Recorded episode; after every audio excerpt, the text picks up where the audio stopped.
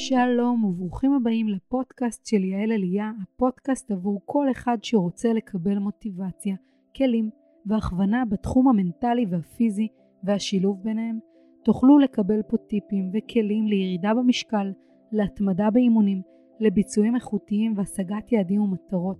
אני מאמנת כושר מוסמכת ומנטורית בנשמה. החלום הגדול שלי להנגיש ידע בתחומי הספורט וירידה במשקל מהסיפור האישי שלי. אני רוצה להרחיב את הידע לקהל הרחב, לתת כוח לכל מי שנאבק במאבקי החיים ולתת לו תקווה שאפשר לשנות, לסדר, לשפר ולהצליח.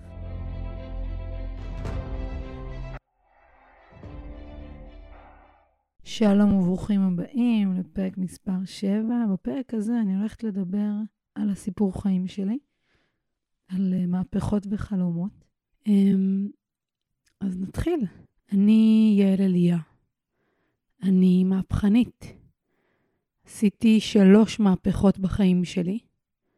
יש, יש כאלה שיגידו שקצת יותר. המהפכה הראשונה היא מהפכה דתית, מהעולם החרדי לחילוני.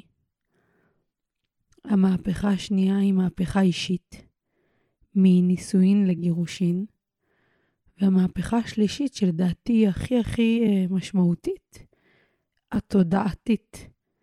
ממש אה, כל התודעה שלי השתנתה, וגם הפיזית בהתאם. ומאז אני הופכת לאנשים אחרים את החיים. זה השליחות שלי. כילדה בבני ברק חלמתי להקים בית של תורה, להתחתן עם בחור ישיבה שילמד כל חייו ושנגדל ילדים צדיקים ביראת שמיים. כמעט הגשמתי את החלום הזה. אחרי ארבעה דייטים עם בחור מקסים ששידחו לי, התארסתי, הכל היה מוכן. שמלת כלה, אולם, תזמורת. אבל חודש לפני הערב הגדול, החתונה התבטלה והחלום שלי התנפץ. זה ערער לי את המקום של האמונה, והתחלתי לחקור. ל- ללמוד ולנסות ליישב אצלי את המחשבות, את הקונפליקטים באמונה, וחלמתי ללכת עם האמת שלי עד הסוף. למרות כל הקשיים ביציאה בשאלה, הלכתי אחרי האמת שלי, והצבתי את עצמי בדיוק כמו שרציתי, לפי סולם הערכים והאמונות שבדקתי וחקרתי בעצמי, אחרי שהבנתי מה טוב לי ומה לא טוב לי. זו מהפכה שרק בן אדם שעובר מתרבות אחת לשנייה יכול להבין מה זה לעבור בין עולמות. זה ממש להשתנות, זה ממש להפוך את החיים בכל האספקטים. בכל תחום בחיים, הכל השתנה. זה לא אותו דבר. שום תחום בחיים לא נשאר אותו דבר. אם זה בהיבט של המחשבות, האמונות, אם זה בהיבט הוויזואלי של איך אני מתלבשת, איך אני נראית, שכל דבר כזה זה התמודדות. להפוך את הבגדים מחצאית למכנסיים, וואו, זה היה תהליך. אני זוכרת את היום שבאתי לעבודה עם המכנסיים פעם ראשונה. אני זוכרת את היום שלבשתי חולצה אה, שהשרוול שלה מעל המרפק. אני זוכרת את זה. זה לא קל. כשאני גדלתי, גדלתי שזה... לא צריכים להיות ככה. ואני שוברת מוסכמות, ואני שוברת את הכללים ואת החוקים. אותה יעל, הילדה המקסימה, הייתי ילדה טובה, הייתי ילדה ממש טובה, כזאת שקטה, עושה את מה שאומרים לה, יד ימינה של אימא שלי, תמיד הייתי עוזרת, תמיד הייתי שקטה, ו- ובאמת, ילדה טובה. איך מכל הדבר הזה, הבחורה פה התהפכה, עושה את מה שהיא באמת רוצה. וזה כאילו זה רק ההתחלה, רק ההתחלה להניע בכלל את השינוי למקום הזה, זה לוקח המון המון זמן. כשאני יצאתי, לא היה לי שום כלים להתמודד עם החיים, באמת. כאילו, אני לא, אין שום תמיכה משום מקום להבין מה צריך לעשות. אפילו המילה קולנוע, לא ידעתי באמת איך זה נראה. מה זה בר, מה זה... כל מיני שמות שבאמת לא ידעתי. ולהבין את התרבות השונה, החדשה שגדלתי בה, לקח לי מלא מלא זמן. ואתה סופג, אני ספגתי כל כך הרבה קשיים, בכלל להתמודד עם זה, לצאת החוצה, להתמודד, לחיות את החיים שאני רוצה, בלי שאף אחד יגיד לי איך לחיות ומה לחיות. וכשאין כלים ושאין כסף ושאין זה, זה הרבה יותר קשה. לא היה מי שיעזור. והמקום הזה, כשמישהו יוצא בשאלה, יש איזה קטע של יוצאים בשאלה, ואני כל הזמן אומרת את זה, שבהתחלה אנחנו חוקרים כל הזמן את האמונה, ומנסים כאילו לבדוק איך חיינו, איך האמנו, ומנסים להוכיח לצד השני כמה הוא טועה, וכמה אנחנו צודקים, כמו קצת מיסיונרים. ואז הפיצוצים כל הזמן קורים, כאילו אי אפשר באמת למצוא את הקווים שהם מתחברים ומחברים אותנו כבני אדם וכמשפחה. אז, זה לא קל. אני זוכרת כל שבת, תמיד היה עולה הנושא של דת. זה פיצוצים. אני יוצאת, הולכת, חותכת הביתה, לא חוזרת חודשים שלמים, כי, כי לא בא לי להרגיש את זה. לא בא לי להרגיש ש, שמה שאני עושה הוא לא מספיק טוב. כי בחרתי, בחרתי בדרך שאני רוצה.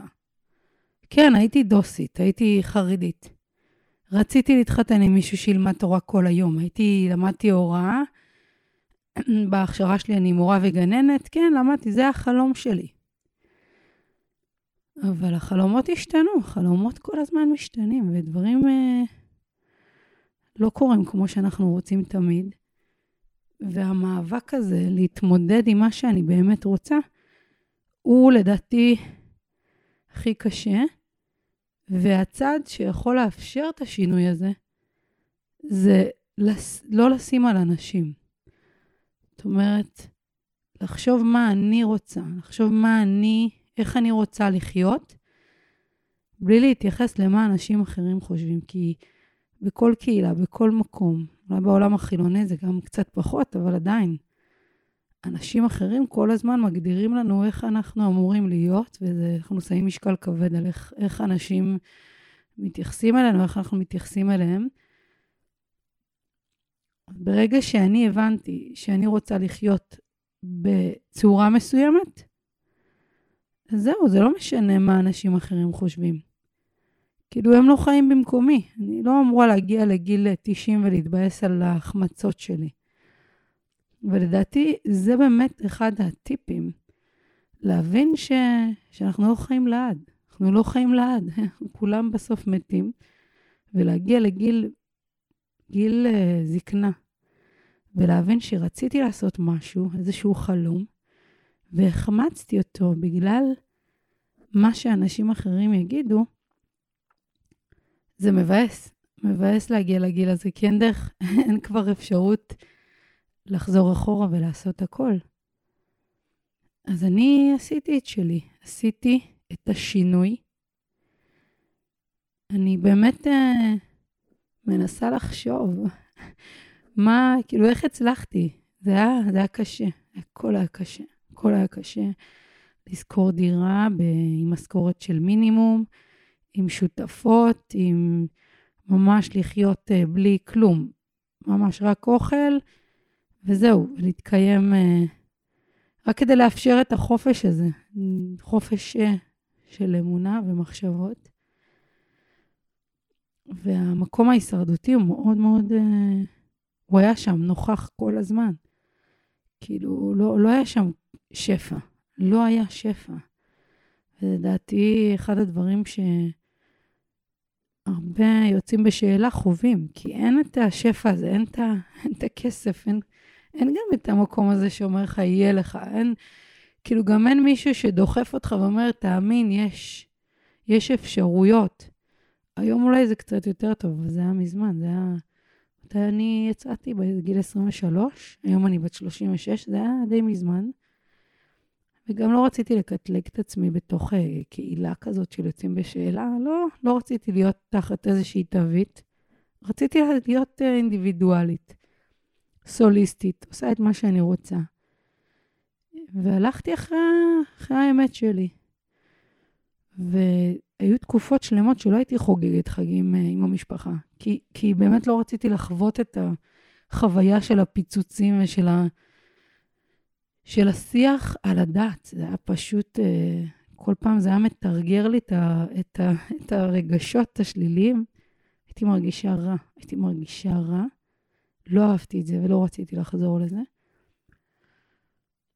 ורציתי, באמת, היה לי איזה חלום להקים איזשהו תא משפחתי, שאני אוכל לחגוג את החגים ואת השבתות. סופי שבוע עם, עם מישהו, עם המשפחה שלי. בא לי לחגוג בשבת כמו שאני רוצה. לא רק ארוחות ולא יודעת מה, אלא כן, לצאת לטייל, לבלות. ובאמת אה, יצא לי להכיר אה, בחור מקסים, שלימים התחתנו, והיינו עושים את זה. אבל הזוגיות הזאת היא לא צלחה. היינו, ב... היינו בזוגיות כמה שנים, היינו נשואים, שנה אחת. אה, בחור שהוא גם יוצא בשאלה. זה היה קל. אבל uh, החלום הזה גם התפוצץ, כי לא הייתה לנו אינטימיות כמעט. Uh, במערכת היחסים רגילה צריכה להיות uh, איזוש, איזשהו, צריך להיות חיבור, חיבור uh, אינטימי, וזה היה מאוד מאוד uh, קשה לתפעל את הזוגיות הזאת כשזה לא קורה. בן אדם יכול להיות מדהים, מקסים. החיבורים צריכים להיות... Uh, בכל, ה, בכל האספקטים. זה לא יכול להיות רק חיבור uh, חברי. כאילו, יש כאלה שחיים ככה, ואני בתוך תוכי ידעתי שיש משהו מבעבע בי, שהוא רוצה את התשוקה, הוא רוצה את האינטימיות. ואני לא מוכנה לחיות בחצי כוח, בווליום אה, נמוך. אני מכירה מלא סיפורים של אנשים שאומרים, זהו, אנחנו 40 שנה ביחד, אין לנו אינטימיות. בסדר, אני רק התחתנתי, והרגשתי שאם אני נשארת שם, זהו, אני קוברת את עצמי, קוברת את החלום הזה להיות נחשקת, להיות בתשוקה, להיות באיזשהו חיבור כזה של חום ומגע ודברים שהם בסיסיים בתוך זוגיות. ולצערי, החלטתי להתגרש אחרי ניסיונות. התגרשנו, ניסינו לחזור גם, כי בסופו של דבר יש אנשים שהם מאוד מאוד uh, טובים ומקסימים, ובאמת ניסינו לבדוק את זה. ואני חושבת שאחד הדברים שגרמו לי לזה, שהיום אני לומדת מזה, לא, שזה לא יקרה שוב, זה המקום הדתי, שמאפשר את הזוגיות הזאת בפורמט שהוא כאילו שמירת נגיעה. כאילו, אני אומרת, אוקיי, אז נתחתן ואולי זה יקרה, אבל זה לא קורה. זה לא קורה. זה לא משנה איפה, זה לא קורה. לא בירח דבש ולא בשום מקום, אז כאילו, למה? למה צריך לחיות בתוך עולם כזה? לחיות בתוך עולם שהוא בעיניי, כשמישהי לא, לא רוצים לגעת בה, אז היא דחויה. וכל דחייה כזאת, גם גבר שהוא חווה כזה דבר, כל דחייה כזאת זאת צלקת, צלקת לחיים, שרק לימים הבנתי כמה היא עמוקה, כמה היא משפיעה עליי, אבל מה שזה מראה לי, שהמנגנונים שלי, מנגנונים של איך לחיות, או מה ההגדרה של זוגיות, זה, זה משהו שהוצב כבר קודם. כאילו, המקום הזה של שמירת נגיעה. כשאני הייתי מאורסת בגיל 20, אז אה, כן, היינו בשמירת נגיעה איזה חצי שנה. וזה בעצם היה הסגנון שיצאתי עם גברים, כמעט ולא לא הייתה נגיעה. ורק אה, בגיל 26 וחצי, אולי קצת לקראת 27, אני חושבת שזו הייתה הפעם הראשונה שבכלל התחלתי משהו כזה. אז uh, בתוך הזוגיות הזאת התגרשנו, חזרנו, ניסינו לחזור ולהישאר ולהיות, ואולי כאילו להצליח כן להחיות את הדבר הזה, ולא הצלחנו. זה שם סופית כזה לדבר הזה. בזמן הזה אני, אה, היה לי חלום גם ללמוד באוניברסיטה, ידעתי שאני רוצה להיות באוניברסיטה.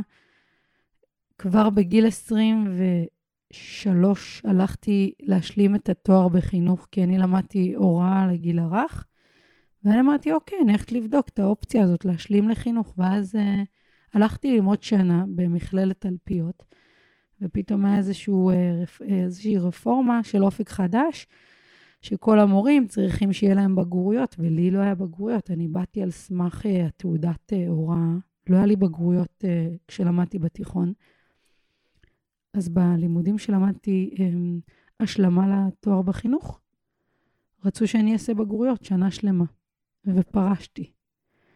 Um, יכול להיות שזו הייתה טעות, יכול להיות שלא, אבל uh, פרשתי ולא לא הגשמתי גם את החלום הזה. אבל אמרתי, בטוח שאני אעשה תואר ראשון. אני רוצה להרגיש שווה בין שווים. כי אני הולכת, אני נפגשת עם אנשים, עם חברים, עם, לא יודעת, הרבה אנשים דתיים לאומיים, שזה היה הסטנדרט שלהם, הבסיסי, להיות עם תואר ראשון, ולי לא היה. והרגשתי קצת אה, פחותה.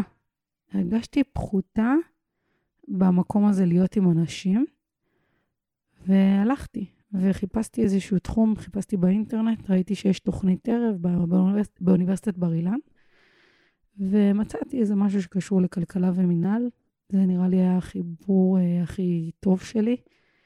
אמרתי, אני, יש לי גם, יש לי מלא חלומות, אולי להיות גזברית של עירייה, כי אני עובדת במערכות מידע בתחום של גבייה, בתחום שמתעסק ב, בכסף, אני עובדת עם אה, מנהלים וגזברים, וזה התחום שלי.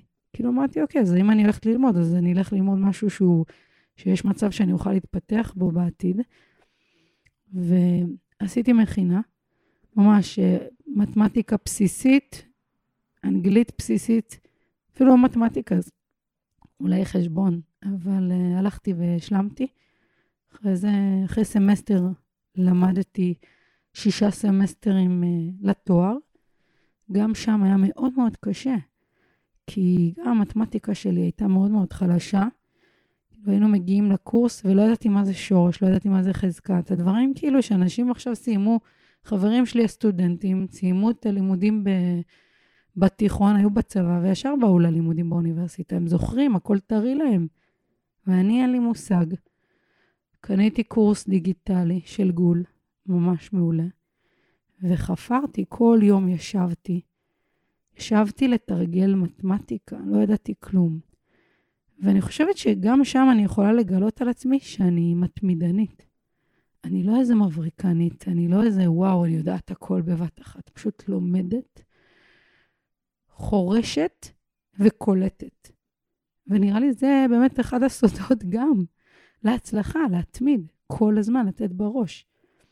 כי כשאני ראיתי את התרגיל הראשון, הכי בסיסי, מבחינתי זה היה כאילו ממש ממש קשה. והתחלתי ללמוד מאפס, מהבסיס. ונעזרתי באנשים, נעזרתי בחברים, ובסוף אני עזרתי לחברים שלי לפני המבחן. כי אם באמת רוצים, לא משנה מה נקודת ההתחלה שלנו, אפשר לצמצם את הפערים, אבל להמשיך ולעבוד, לתת בראש, כאילו לא... להגיד, אוי, אני לא יודעת, אני גדלתי ככה, להתקרבן על החיים שלנו כל הזמן. למה אני בגיל 30 ואני אמורה בכלל להשלים את הבסיס של המתמטיקה, שאני אמורה בכלל ללמוד את זה בכיתה ז' או ח'? פשוט להמשיך, לעבוד. וסיימתי את התואר ב-2020, לפני שנתיים, וזה היה מרגש. בזמן הזה, כמובן שבזמן הזה היה את הפרידה מהגרוש, הפרידה השנייה, היה את הלימודים, וגם שם התחלתי איזשהו שינוי אה, תודעתי על החיים שלי. הייתי, כל חיי הייתי ילדה שמנמנה. היו, היו רגעים של... אה, אה, היו תקופות של שיאים במשקל גוף שלי, הייתי בעודף משקל. כל החיים שלי אכלתי די כזה מודע, לא מודע, בהזנחה. זה היה כזה כמו אקורדיון, לא תמיד זה היה מסודר. אבל הייתי לרוב שמנה. חוויתי, הייתי שמנה, ילדה שמנה. היה לי חלום אה, להיות קצת יותר רזה. למרות שאהבתי את איך שהייתי נראית. הייתי, בשיא שלי הייתי 96 קילו. וזהו, החלטתי שאני רוצה לעשות שינוי. פשוט uh, לקחתי את עצמי, השקעתי, אמרתי לעצמי ככה, אם אני רוצה לעשות שינוי אמיתי, זה חייב להתמסר. זה לא יכול להיות רק חצי כוח, זה לא רק חדר כושר וזהו ואני מצליחה. כי עובדה שלא הצלחתי בכל הפעמים הקודמות. כי נרשמתי באמת לחדר כושר, ולא הגעתי, לא הצלחתי להתמיד. וראיתי מישהו באוניברסיטה, חבר, נמרוד, שהוא פתאום התחיל תהליך, ואמרתי, וואו, מה הוא עושה? ואז נרשמתי לאימונים אישיים, מה שהוא עושה. נסעתי שלוש פעמים בשבוע להרצליה. הייתי חוזרת הביתה להתקלח וחוזרת שוב לעבודה. שלוש פעמים בשבוע, בשש בבוקר. ובחודש הראשון באמת לא ראיתי שום שינוי, אולי קילו בודד במשקל, והתבאסתי על עצמי, ולא רציתי להמשיך. אמרתי, כאילו, למה אני עושה את כל השינוי התזונתי, את השינוי הפיזי? למה אני צריכה לעשות את זה? ואז הבנתי שאני מעיפה את המשקל מהבית שלי, ואני הולכת לעשות את מה שבאמת אני צריכה. זה לתת בראש, לעבוד כל יום, להיות מודעת לאוכל, להיות מודעת לספורט. כי בהתחלה זה באמת רק עניין של מודעות, פוקוס, ולהיות יותר תנועתי. אני, ספורט בהתחלה, אני רציתי להתחבר לספורט, שילמתי למאמנים. ואז uh, התקציב שלי הסתיים, וגם השגרה שלי הסתדרה. התחלתי להירשם לכל מיני uh, קורסים ו- וכל מיני חוגים, וקיקבוקס, וקרוספיט, וריצות, ופתאום הילדה השמנה, שהיא הייתה מאוד מאוד גדולה, שזאת אני, במידה 50 בבגדים, ששום בגד לא היה עולה עליי, ואני מדברת על זה הרבה, כי זה היה ממש תסכול מתמשך. לא למצוא שום בגד בשום חנות, כמה אפשר. כמה אפשר כאילו להיות. להיכנס לחנות ולא למצוא שום בגד, כאילו, מה ביקשתי? להתלבש. בארץ אין את הפריבילגיה הזאת להיות במידה קצת יותר גדולה מ-46, וזה ממש מקשה על אנשים שהם בעודף משקל, או בכלל אנשים גדולים. אין לנו, לנשים בעיקר, אין בגדים נורמליים. כאילו, את בחורה צעירה, למה אני צריכה ללבוש בגדים של, של אנשים מבוגרים? וזה היה אחד הדברים הקשים. אמרתי, אני... מה שהניע את כל הדבר הזה זה הטראומה הזאת של ה... לא להיות דחויה בעולם הזה בכלל. אחרי הזוגיות הזאת, אני לא רציתי לחוות יותר דחייה. לא רציתי לחוות יותר דחייה מגברים, לא משנה מה, לא רציתי לחוות דחייה. כי כשאני חוויתי את הדחייה, זה היה קשה לי מאוד. אמרתי, אני רוצה לבחור אותם, הם לא יבחרו אותי. אני לא איזה אחת שיבחרו אותי. אני אבחר את מי שאני רוצה. והתחלתי, והתאמנתי, ובאמת עבדתי קשה. שיניתי את הכל, הכל היה קשה. הכל, כל יום היה קשה, כל יום. זה להתחיל לאכול יותר בריא, זה להיות יותר תנועתי, להיות ספורטיבי, ממש. כל יום, כל יום, כל הזמן. לא, ממש להיות פסיכי על החלום הזה, כי זה לא משהו שמגיע ככה על הדרך. אנשים רוצים לרדת במשקל. נשמה, תתפקסו על זה, שימו מספיק פוקוס על החיים האלה, כדי שזה יקרה. זה שינוי בכל האספקטים בחיים, זה לא רק לרדת במשקל. זה לצמצם מפגשים עם אנשים, זה להעיף את האוכל הלא טוב מהבית, זה להיערך מראש, זה לארגן את הלו"ז. זה לא רק לרדת במשקל, זה לשנות את כל השגרת חיים, לישון טוב. וזה חלום שהרבה אנשים שואלים איך עושים אותו. אז איך עושים אותו? צריכים להיות בפוקוס עליו, להבין שיש מחיר שמשלמים אותו, לא רק מחיר כספי, מחיר. המחיר הזה להיות באיזשהו שינוי. אתם הולכים עכשיו לעשות שינוי אמיתי בחיים שלכם, וזה לא משהו חד פעמי. אנשים רוצים להיכנס לג'ינס, רוצים להיכנס לחליפה, וזהו. לא. לשנות את השגרת חיים כדי שתוכלו לחיות את זה לאורך זמן, זה, זה הדבר הכי חשוב. רוב האנשים יורדים במשקל יפה מאוד, הם עולים את הכל בחזרה, כי התודעה שלהם לא השתנתה לגבי הגוף שלהם, לגבי האוכל, לגבי כל הדבר הזה שנקרא ספורט ואורח חיים בריא. כי מבחינת אנשים שמנים, ספורט זה לירידה במשקל. היום אני, הספורט שלי, זה ספורט ל- ליכולות שלי. אני בעצם משפרת את היכולות הגופניות שלי, אם זה בעליות מתח, ואם זה בעמידות ידיים, ואם זה בעריצות, ואם זה בכל דבר, בגמישות. בעיניי, ספורט היום זה משהו שמעיד על יכולות גופניות, וכמובן שמחזק לי את הביטחון העצמי ואת האמונה בעצמי, כל דבר קטן כזה שאני מצליחה. לרוץ 200 מטר, לא הצלחתי לפני זה, ופתאום אני מצליחה. הגעתי גם לעשרה והגעתי גם לחצי מרתון, שזה 21 קילומטר. היום ריצות זה חלק מהחיים שלי. זה מרפא אותי. זה לא בשביל הרזייה, זה בשביל הנשמה. אם אני במצב לא משהו, יש כאלה רגעים, אז אני פשוט יוצאת החוצה לרוץ, זה התרופה שלי. פעם הייתי צריכה מנטליות כדי לעשות ספורט, היום המנטליות שלי זקוקה לספורט, אני זקוקה מאוד לספורט. אז אין דבר כזה שיש יום בלי תנועתיות, זה לא, אין דבר כזה. הגוף שלי דורש ממני להיות בתנועה, כמו שהיינו ילדים קטנים. כי ילדים קטנים, תראו ילדים קטנים, איך הם תנועתיים כל הזמן. בואו נעתיק את זה, זה שאנחנו עכשיו יושבים כל היום בכיסאות ולא קמים, או על הספה, זה, זה העידן של העולם המערבי. וזה אנשים סובלים, מלא כאבי גב וכל מיני, ועודף אה, משקל, כי הפסקנו לנוע. אני רואה את המתאמנים שלי, בקושי מגיעים לעשרת אלפים צעדים, וזה עוד אחרי שאני מבקשת שיהיו מודעים. איזה עשרת אלפים? עשרת אלפים זה אם הם יוצאים לאימון. שימו לב, שימו שעון צעדים, תבדקו כמה אתם תנועתיים ביום-יום. אתם תשימו לב. יש הרבה אנשים שהם תנועתיים, כי השגרה של הספורט היא חלק מהחיים שלהם. אבל אנשים שהם ביום-יום, אני לא רואה, כי אני נפגשת עם אנשים. וכשאני הפכתי את התודעה שלי לגבי הספורט, לגבי השגרה שלי, זה נהיה חלק מהחיים שלי. כן, וירדתי מלא מידות בבגדים. ואפילו הגעתי למידה 34, ועליתי למידה 36, וכל התהליך הזה בלי להישקל. בלי להישקל. כאילו, אני מדברת על זה גם הרבה, להפסיק את האובססיה של המשקל. המשקל הזה הוא לא מעיד על מה שאנחנו, כי אין לי באמת את האפשרות לדעת מה ההרכב של הגוף שלי כשאני על משקל ביתי. לא יכולה לדעת כמה אחוזי שומן, כמה אחוזי שריר, כמה נוזלים יש, כל מיני דברים שקורים, תהליכים פיזיולוגיים. אין לנו מושג. והמשקל הזה כבר לא מגדיר אותי, הוא לא חלק מהחיים שלי.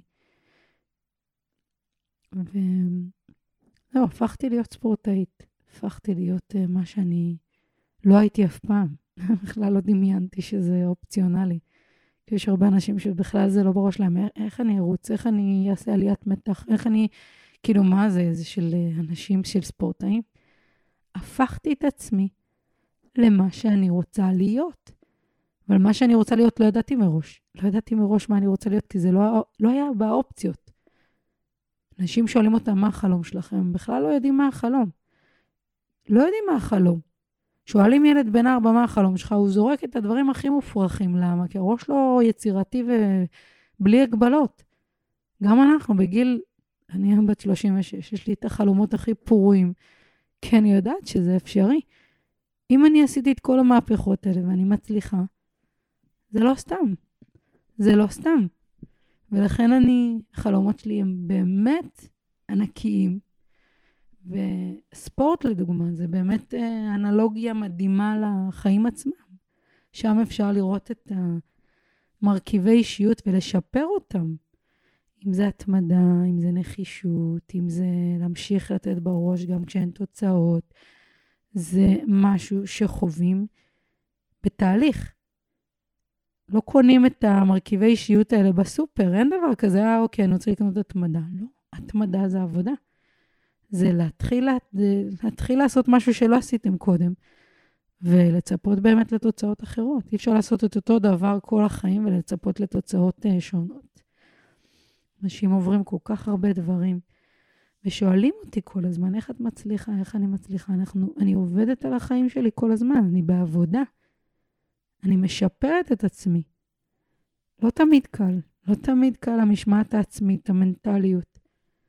גם לי יש רצונות, גם לי בא פתאום לישון בבוקר ולא לקום בשעה חמש, כי זה השעות שלי. לדוגמה, עכשיו השעה חמש ושלוש עשרה דקות. כן, לא תמיד קל, אבל ברגע שהשגרה שלי ברורה, ברגע שהכל מסודר, אז, אז זה כבר יותר קל. אבל אם השגרה שלי לא מסודרת, ואני ישנה מאוד מאוחר, ואני מתעסקת בטלפון, ואני מתעסקת בדברים אחרים, ודברים שהם לא אפקטיביים. בואו, יש הרבה אנשים שתקועים בטלפון ומעבירים תמונות שלה באינסטגרם ובפייסבוק, ורואים חיים של אחרים. ודי. הגיע הזמן לשים את הפוקוס על החיים שלכם, כי זה מה שאני עושה בחיים שלי. אני שמה פוקוס על החיים שלי, ויש לי מלא זמן לשים פוקוס על אחרים. ברגע שאנחנו לא משקיעים בעצמנו, זה המצב, אנחנו מתבאסים. אמ, וכן, יש גם מחיר על זה, שאנחנו לא עובדים על החיים שלנו. והשינוי הכי, נראה לי, אחד המשמעותיים, גם שאני הפכתי להיות מאמנת. הפכתי להיות מאמנת קצת שונה. יש שיגידו שאני לא מאמנת רגילה, אני כאילו מאמנת כושר רשמית. למדתי, כי אמרתי, אני רוצה לעזור לאנשים שהיו כמוני, או שהם כמוני, אה, ולהפוך אותם, להפוך להם את התודעה לגבי הספורט, לגבי הכל. וזה, וזה מה שהפכתי להיות. למדתי באוניברסיטה בקמפוס שיאים בתל אביב, ואני ממשיכה ללמוד כל יום בעצמי. כאילו, אני רוצה להיות באמת הכי טובה בעצמי מול עצמי. רוצה להיות המאמנת שיכולה לעזור לאנשים להניע את עצמם לפעולה, לגרום להם להאמין בעצמם, לגרום להם להיות בביטחון עצמי, uh, להעצים אותם.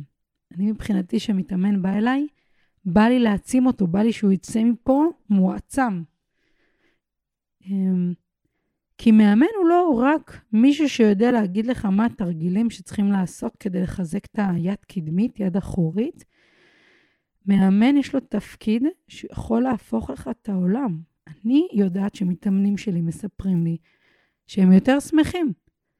אם מתאמן שלי אומר לי שכבר אין לו חרדות בשבועיים האחרונים, חרדות בלילות, אחרי שהוא שיתף אותי, אז כאילו, מה עוד אני יכולה להגיד? אני בייעוד של הייעוד שלי. וזה גם, זה, זה עוד תהליך להבין שזה מה שאני רוצה לעשות בחיים. זה תהליך גם, תהליך מאוד מאוד, זה שינוי קריירה. כי אני עובדת בתחום של מערכות ש... מידע עשר שנים, ואני גם טובה בתחום הזה. אני טובה מאוד. אני טובה באקסל, אני טובה בכל התחום של מערכות מידע ברשויות מקומיות. וזה גם uh, סוגיה שאנשים שואלים, איך יכול להיות שאת רוצה להפסיק את זה? כאילו, מה? אבל כשאנחנו באמת מחוברים למה שהלב שלנו רוצה, ואצלי זה לעזור לאחרים באמצעות הכושר, זה לא רק להרזייה, זה לעזור לאנשים למצוא את העוצמה שלהם מבפנים ולגרום להם לעשות את מה שהם באמת רוצים. הדוגמה הכי מדהימה שלי, של מתאמן שלי, מלפני, לא מזמן פרסמתי את הסיפור שלו, של פזי, איך הוא עבר תהליך עם עצמו. הוא גם ירד במשקל, שזה אחלה, זה מדהים, הוא גם התחזק בגוף, אבל המנטליות שלו השתנתה, ו...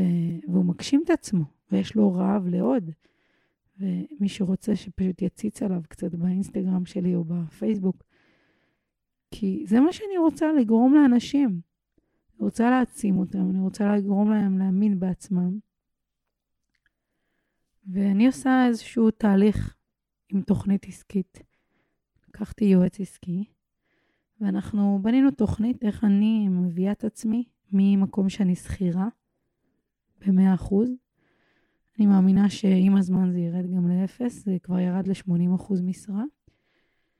כדי לתת לעצמי להתפתח במקום הזה, שאיפה שהלב שלי נמצא.